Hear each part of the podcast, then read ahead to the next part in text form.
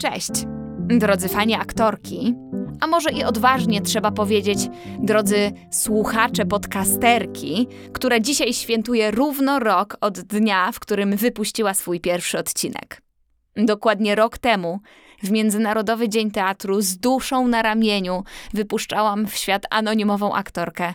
I cały dzień nic nie przełknęłam z nerwów, czy mnie ktoś, nie wiem, nie wyśmieje, nie zadzwoni, żebym to skasowała, bo to jest beznadziejne. Nie napisze, że chujowo się słucha i że gorszego podcastu to on w uszach nigdy nie miał. I jak sobie myślałam kilka tygodni temu o tym, że zaraz minie ten rok i będę mogła otworzyć dziś lambrusko, popić roztopioną czekoladą i poświętować pierwszy rok bycia podcasterką, to planowałam, że odcinek jubileuszowy, no bo to jest odcinek jubileuszowy, będzie o czymś dla mnie strasznie przyjemnym, o jakichś śmiesznostkach najśmieszniejszych, o dobrych wspomnieniach związanych z tym zawodem. Aż tu nagle, tydzień temu, wyskoczyła z zakrzaka sprawa nadużyć w mojej alma mater. Pokrótce. Absolwentka łódzkiej szkoły filmowej wystosowała w swoich social mediach list otwarty, w którym opisuje złą kondycję edukacji w szkołach artystycznych. To lawinowo rozpoczęło wyznania innych aktorów zwierzających się ze swoich złych wspomnień ze szkół aktorskich w Polsce. I wierzcie mi, od tygodnia mam dużą myślówę, czy się wypowiadać, czy się nie wypowiadać, czy dodawać swoje pięć groszy, czy nie dodawać. Mózg mi paruje od tych wszystkich informacji, które przyswajam w sprawie. Wygooglowałam sobie każdy artykuł, który do tej pory powstał. Przeczytałam każdy głos, który się odezwał. Obdzwoniłam swoich przyjaciół, którzy również kończyli szkoły artystyczne i przeprowadziłam dwie tony rozmów na ten temat. I po namyśle i po tym, co zaobserwowałam, dzieje się w internecie od tygodnia, chciałabym Was zaprosić do wysłuchania odcinka o kilku moich przemyśleniach dookoła sprawy. Po pierwsze, nie od dziś wiadomo, że aktorzy to dobry temat na pudelka. To najlepszy temat na pudelka. Jesteśmy pod ostrzałem mediów, bo pojawiamy się w telewizorze i na ekranach kin. Rozpoznaje się nasze twarze. Znaczy, oczywiście mojej nikt nie rozpoznaje, żeby było jasne. Ja jestem anonimowa. Życie celebrytów jest ciekawe, każdy lubi się wtrącić, każdy lubi mieć swoje zdanie na temat jakiejś tam jandy. To już jest właściwie sport narodowy. Każdy musi mieć swoje zdanie na temat jakiejś jandy. I najczęściej jest to zdanie subiektywne, bardzo często nie poparte e, żadnymi e, faktycznymi informacjami. No i takie oczywiście osądzające w stylu ja jej nie lubię albo ona jest najlepsza. Ja w swoim życiu weszłam trzy razy na pudelka. Pierwszy raz na studiach, jak napisano artykuł o mojej koleżance, głównie właściwie o jej dekoldzie i jej biuście. No i cały wieczór spędziłyśmy czytając te hejterskie komentarze, strasznie się nimi przejmując, bo nikt nam wtedy nie powiedział, że można to olać ciepłą stróżką. Drugi raz weszłam na serwis plotkarski w swojej pracy zawodowej, kiedy napisano o moim koledze aktorze, no i ja próbowałam dociec prawdy, czy to było naprawdę tak, jak piszą media. Jak się zapewne domyślacie, po przejrzeniu tych wszystkich artykułów i komentarzy, od prawdy byłam równie daleko jak równik od Antarktydy. Daleko w każdym razie. Trzeci raz w życiu zrobiłam to wczoraj. Przeczytałam wszystkie materiały, na jakie trafiłam w sprawie tak zwanej afery filmówkowej. Potem przejrzałam większość komentarzy internautów pod tymi artykułami i. I zastanawia mnie jedno. Czy w tej sprawie naprawdę chodzi o to, żeby dociec prawdy i żeby wykryć, czy coś nie działa jak należy i to naprawić? Bo ja od wczoraj mam nieoparte wrażenie, że jednak chodzi o sensację. Materiały wideo, wywiady, wszystkie te artykuły nie mają tytułów, e, jak zmienić na lepszy system edukacji, jak e, rozpoznać i pomóc pokrzywdzonym. Nie. Mają jaskrawe, krzykliwe tytuły: Skandal w środowisku aktorskim, szok i niedowierzanie, ukrywano to latami, nie uwierzycie aż nie klikniecie. Pytania dziennikarzy są nasycone poszukiwaniem skandalu i dobrego nagłówka. Proszę nam y, opowiedzieć, jak dokładnie państwa skrzywdzono, koniecznie ze szczegółami. Czy ktoś zapytał, jak sprawić, żeby w przyszłości nikt nie miał do siebie takich zarzutów, jak uzdrowić tę sytuację, jak ją naprawić, jak ją rozwiązać? Do tego dochodzą hejterskie komentarze. Co ciekawe, właściwie nieważne, po której się stronie opowiesz. Hejt i tak na ciebie, jak y, jasność i łaska na Matkę Boską spłynie. Jesteś po stronie A? O, to wymyślasz, knujesz i robisz to dla kariery. Jesteś po stronie B?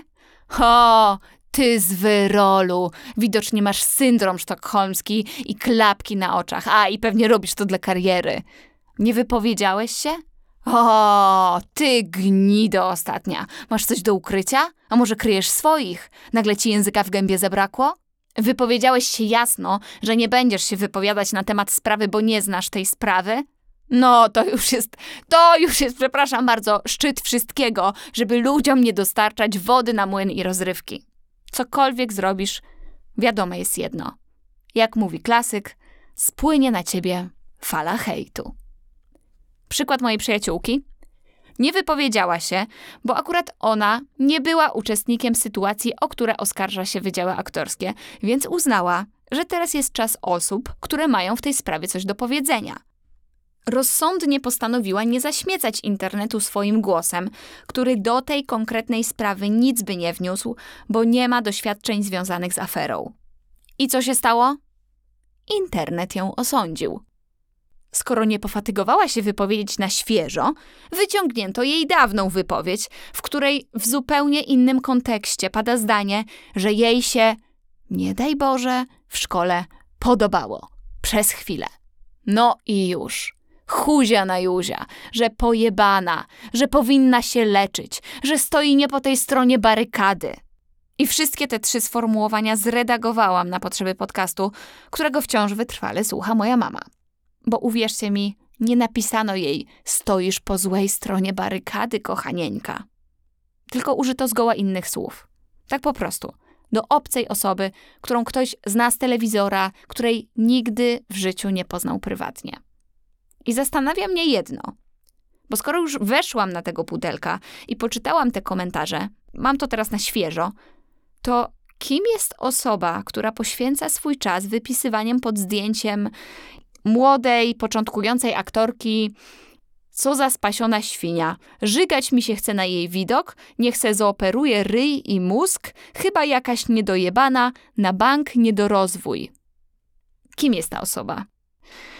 Nie wiem, spotkałam się z tą osobą na ulicy, w metrze, w sklepie. Jest panią z banku, z którą zakładałam wczoraj konto, która się do mnie tak sympatycznie uśmiechała. Jest kierowcą autobusu, któremu podziękowałam za otworzenie mi drzwi, bo zjawiłam się na przystanku po nie w czasie. Gościem w kapturze, który nie odpowiedział mi na dzień dobry w windzie.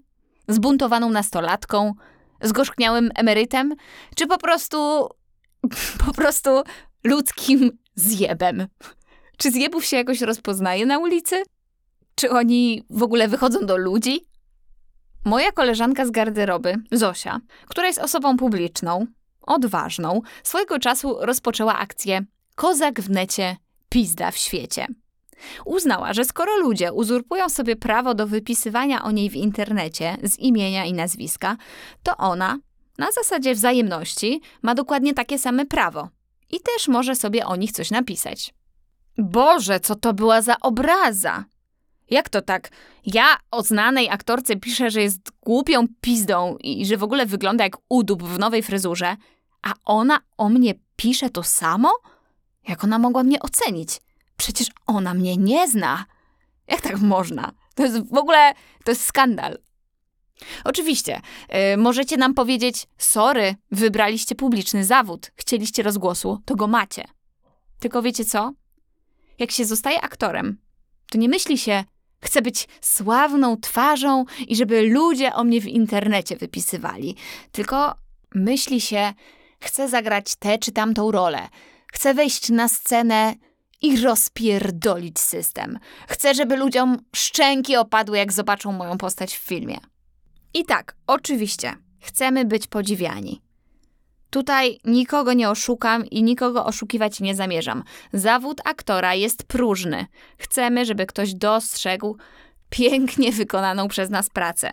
Ale chcemy być podziwiani albo oceniani za swoją robotę, a nie mieszani z błotem za to, że urodziliśmy się za wysocy, albo zbyt piegowaci, albo za bardzo blond włosami. Nikt z nas nie planuje życia pod ostrzałem niepochlebnych komentarzy, które na każdym kroku oceniają każde Twoje działanie, każdą Twoją wypowiedź, każdą Twoją decyzję. Zapytałam swoją znajomą wczoraj, która grała kilka lat temu główną rolę w serialu, jak ona sobie wtedy radziła z hejtem. I powiedziała mi coś, o czym nie pomyślałam. Jeszcze kilka lat temu trochę mniej to do nas docierało. Wtedy miało się Facebooka, nawet naszą klasę. Na Facebooku y, miało się swoich znajomych. Jak się nie miało kogoś w znajomych, to się nawet nie widziało, że on napisał do nas jakąś wiadomość. Nie było Instagrama, mało kto miał kanał na YouTubie. Jak chciałaś się dowiedzieć, jak bardzo wkurwiasz ludzi, no to wchodziło się świadomie, podejmując tą decyzję, na komentarze pod artykułem na swój temat. A dzisiaj wystarczy włączyć swoją skrzynkę odbiorczą na Insta. Wystarczy chcieć sprawdzić, która godzina na telefonie, a tam powiadomienia z social mediów o nowym komentarzu jakiegoś super zajebiście odważnego o niku chytry predator 666, bo przecież nie z imienia i nazwiska. I pomiędzy wiadomościami od bliskich, pomiędzy propozycjami pracy zawsze rzuci się w oczy jakieś y, Cześć, piszę do ciebie, żeby ci powiedzieć, że mnie wkurwiasz. Mam nadzieję, że przydarzy ci się coś przykrego. I teraz tak. Są dwie drogi, które można obrać. Można jak Zośka unieść miecz i wojować, uświadamiać hejterom, że nie piszą do fikcyjnej postaci z serialu, tylko do człowieka po drugiej stronie. Można ich demaskować.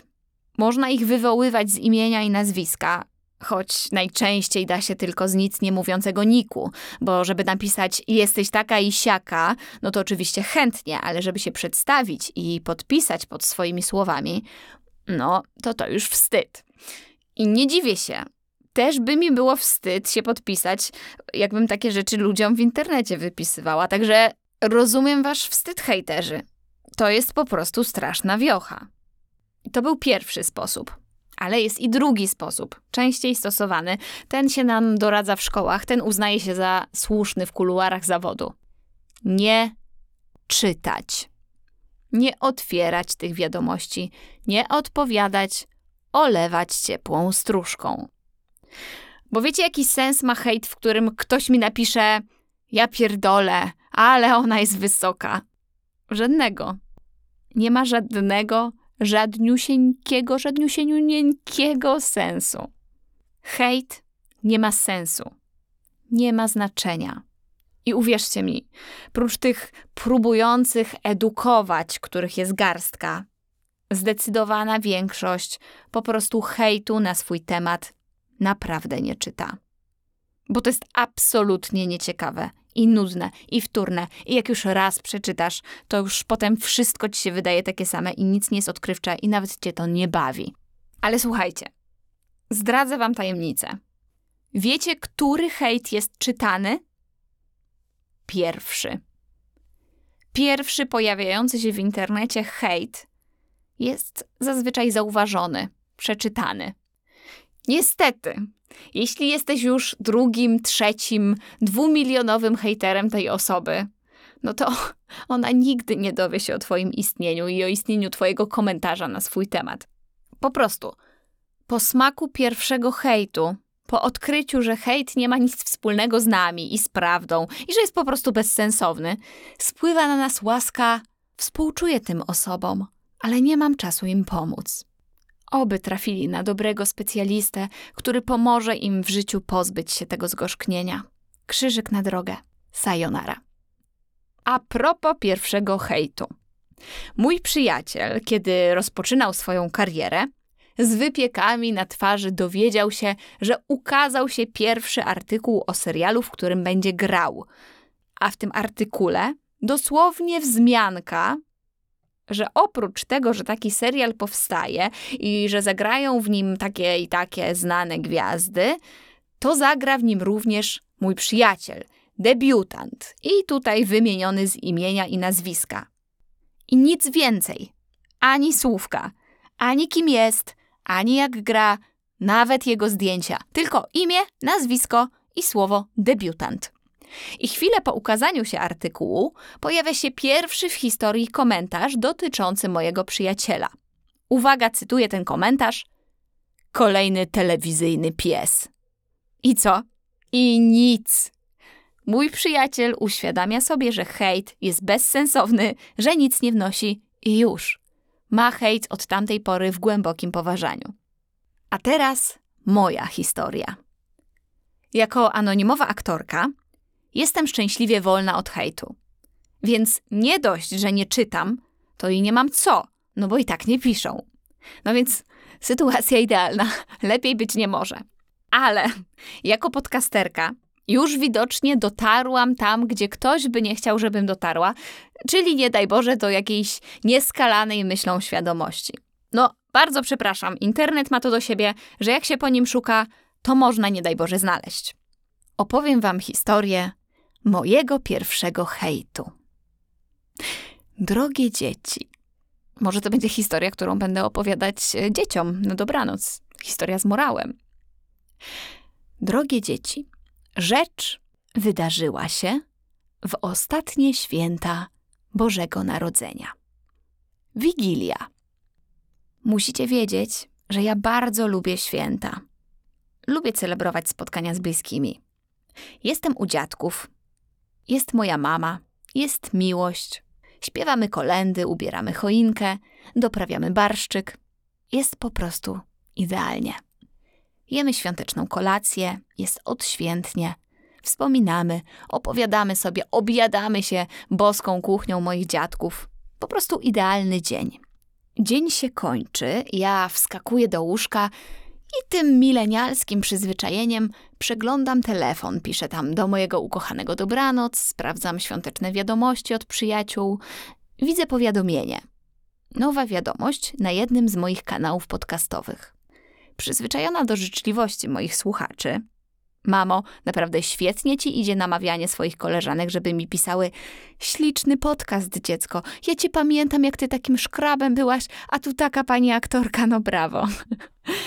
No więc przyzwyczajona do odbierania miłych słów o podcaście, za co Wam dziękuję, klikam w powiadomienie i słuchajcie, weźcie to sobie wyobraźcie, w Wigilię Świąt Bożego Narodzenia, po pięknym świątecznym dniu, po rodzinnym czasie pełnym miłości, czytam swój pierwszy hejt. Nie zesraj się. No nie powiem. Trochę się zdziwiłam. Myślę sobie, co za licho, gastrolog mój, czy co się odezwał? Może to jest jakaś medyczna uwaga, jakieś ostrzeżenie lekarskie? Może mnie już tu obserwują, policzyli mi niemoralną ilość kawałków makowca, które wpierdzieliłam po karpiku? Chuj wie. Zasnęłam lekko skonfundowana. Pomyślałam, że może to jednak z dobrej woli. Ostatecznie do defekacji nie doszło. Po prostu mi się nie chciało co się dzieje dalej. Poranek dnia następnego. Pierwszy dzień świąt Bożego Narodzenia. Jest pięknie. Serniczki i makowce same z radością wskakują mi do brzuszka. Uskuteczniamy rodzinne spacery nad rzeką. Babcia uczy nas ręcznego haftu na lnianych obrusach. Jest dużo śmiechu, czułości. Zawodzimy kolendy. Ja je gram na ukulele.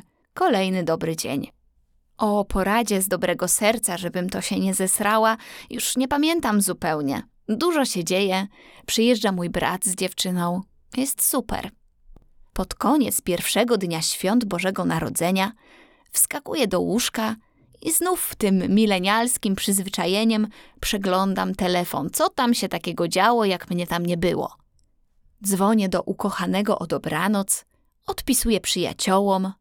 Wtem widzę powiadomienie. Nowa wiadomość na jednym z moich kanałów podcastowych. O wczorajszej wiadomości już nie pamiętam.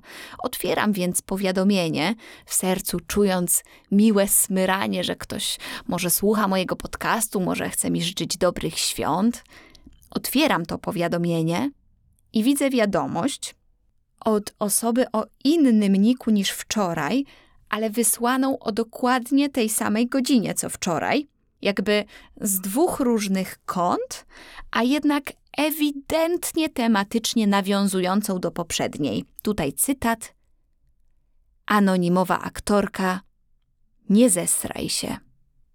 Rozumiecie? Ktoś w Wigilię Świąt Bożego Narodzenia i w pierwszy dzień tych świąt poczuł usilną potrzebę, żeby mnie życzliwie przestrzec przed wypróżnianiem. Tutaj dodatkowo brak mojej reakcji z dnia poprzedniego widocznie kogoś przycisnął, postanowił zwrócić się do mnie w mianowniku. Można by powiedzieć osobiście. Taka pełna kulturka. Taka to jest właśnie historia na dobranoc. Drogi hejterze, wraz z całą moją rodziną i przyjaciółmi dziękujemy Ci za to świąteczne zaangażowanie i szczerą troskę w mój proces defekacyjny. Ta historia od grudnia niezmiennie nas bawi, ale nie śmiejemy się z Ciebie. Tobie współczujemy. Niech to, co Cię w życiu skrzywdziło, już nie spędza Ci snu z powiek. Niech ta zawiść, może gorycz, która zdominowała Twoje myślenie o świecie, odpuści.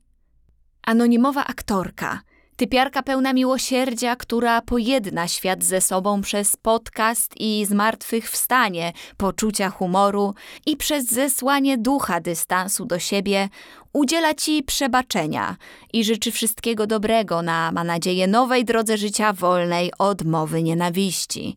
I odpuszcza Tobie grzechy w imię wyjebania od hejterów, przeciwko sprawianiu ludziom przykrości i przyświecając zasadzie nie pytałam Cię o zdanie. Krzyżyk na drogę, mordeczko. No. A wracając do sprawy afery filmówkowej, to wiecie, zastanawia mnie jeszcze jedna rzecz. Za kilka miesięcy rozpoczyna się rekrutacja na studia. Aktualnie przez media przewala się tona historii stawiająca szkoły artystyczne w złym świetle. Ja jestem już absolwentką, więc to nie będzie mój dylemat, ale wyobrażam sobie, co by było, jakbym dzisiaj była maturzystką, yy, marzyła latami, tak jak marzyłam wtedy, że chcę zdawać do szkoły aktorskiej, i nagle jutro, przy niedzielnym rosole, mama powiedziałaby mi: Dziecko, czytałam w internecie, co tam się dzieje. Nie pozwalam ci zdawać na te studia.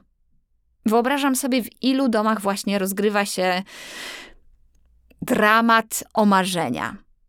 I strach rodziców, czy to wszystko spotka może moje dziecko, albo strach przyszłych studentów. Czy to dobry pomysł zdawać na aktorstwo? Powątpiewacie teraz w ten zawód? Boicie się go? Kurczę, no, nie bójcie się. Tak, to jest dobry pomysł zdawać na aktorstwo. Bo cokolwiek teraz się nie wydarzy, na pewno, mimo tych sensacyjnych nagłówków, system edukacji wyciągnie z tej afery wnioski i usprawni swoje działanie i naprawi to, co zepsute. W to chcę wierzyć. I nie tyczy się to tylko szkół artystycznych, bo dobrze wiemy, że takie historie zdarzają się na AWF-ie, na uczelniach medycznych, w akademiach wojskowych. Ledwo kilkanaście dni temu przecież przez media przetoczyła się głośna afera na Uniwersytecie Medycznym, na którym profesorowie wymieniali się sposobami na celowe uwalanie studentów, nie mające nic wspólnego z ich przygotowaniem do egzaminu. Takie historie zdarzają się w każdej innej branży. Popytajcie swoich znajomych. Ja swoich popytałam. Takie historie zdarzają się w liceach, zdarzają się wszędzie tam, gdzie wchodzi w grę czynnik ludzki. Bo to nie jest tylko problem wydziałów aktorskich. Choć oczywiście tak, zawód aktora jest bezpośrednio związany z pracą na emocjach, na często głębokich emocjach, na całej tej elektryce człowieka, jest pracą na naszej psychice, na naszych doświadczeniach. Do tego wszystkiego jest zawodem fizycznym, gdzie musimy się do siebie zbliżać. Więc bardzo trudno na wydziale aktorskim spisać twardy protokół, co można, a czego nie można. Dlatego tak niejednoznaczna jest ta afera nie wiem, na wydziale matematycznym można po prostu ustalić, że żaden student ani żaden wykładowca nie ma prawa się zbliżyć do siebie na metr i sprawa przynajmniej kontaktu fizycznego załatwiona. Tutaj tak nie ma. A na koniec odcinka chciałam Wam opowiedzieć historię, której nie opowiadałam dotąd publicznie, która mi się przydarzyła już w pracy zawodowej i o której myślę bardzo dużo w kontekście nadużyć i której mam wrażenie się upiekło. W pewnym pięknym mieście, nie będącym stolicą Polski, w którym wygrałam casting na udział w spektaklu, został zatrudniony reżyser, którego niektóre metody pracy nie miały nic wspólnego z reżyserią teatralną. Widziałam, co się dzieje i zareagowałam. Nie zgodziłam się na przemocowe metody pracy. Powiedziałam głośno nie. Nie puściłam płazem próby, na której zostałam nazwana głupią. Nie udawałam, że to jest w porządku, że ktoś się mnie pyta publicznie na próbie, czy mam problem z seksem, skoro nie chcę się rozebrać do sceny. Na tydzień przed premierą postawiłam wszystko na jedną kartę i po tym jak zostałam obrażona, głośno powiedziałam, że zanim zdecyduję się kontynuować pracę, czekam na przeprosiny. I miałam wtedy mało lat. Byłam początkującą aktorką, ledwo po szkole, a naprzeciwko mnie stał nagradzany reżyser z wychwalanym dorobkiem. I wiecie co? Poskutkowało. Wyszłam z tego konfliktu, nie plując sobie w brodę, że odpuściłam coś, co by mnie uwierało.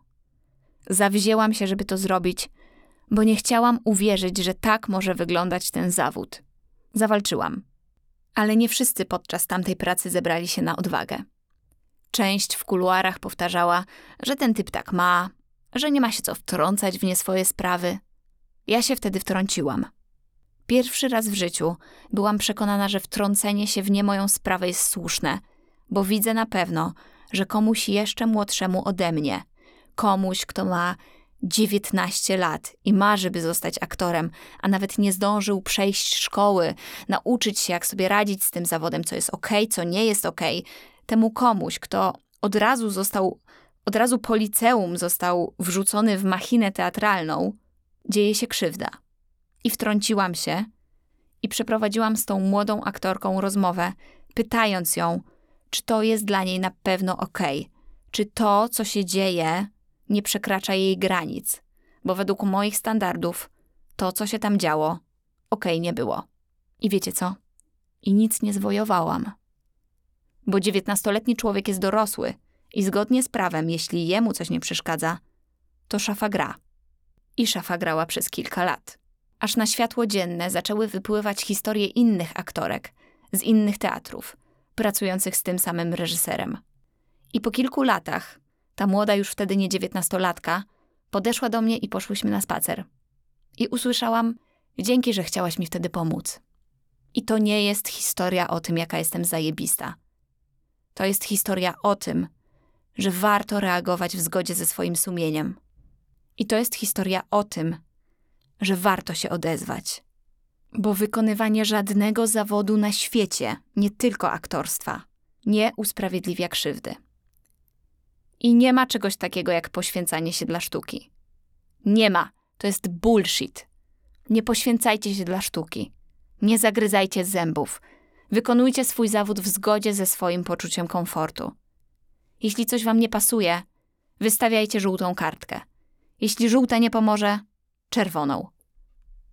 Dziś nie mam ochoty na kulturalną końcówkę, a to rocznicowe lambrusko popijane gorącą czekoladą wypiję za to, żebyśmy byli dla siebie ludźmi.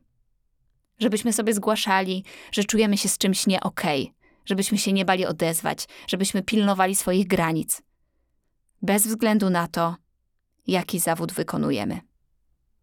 No i cześć! Mówiła do Was i od roku do Was mówi, za co Wam dziękuję, anonimowa aktorka.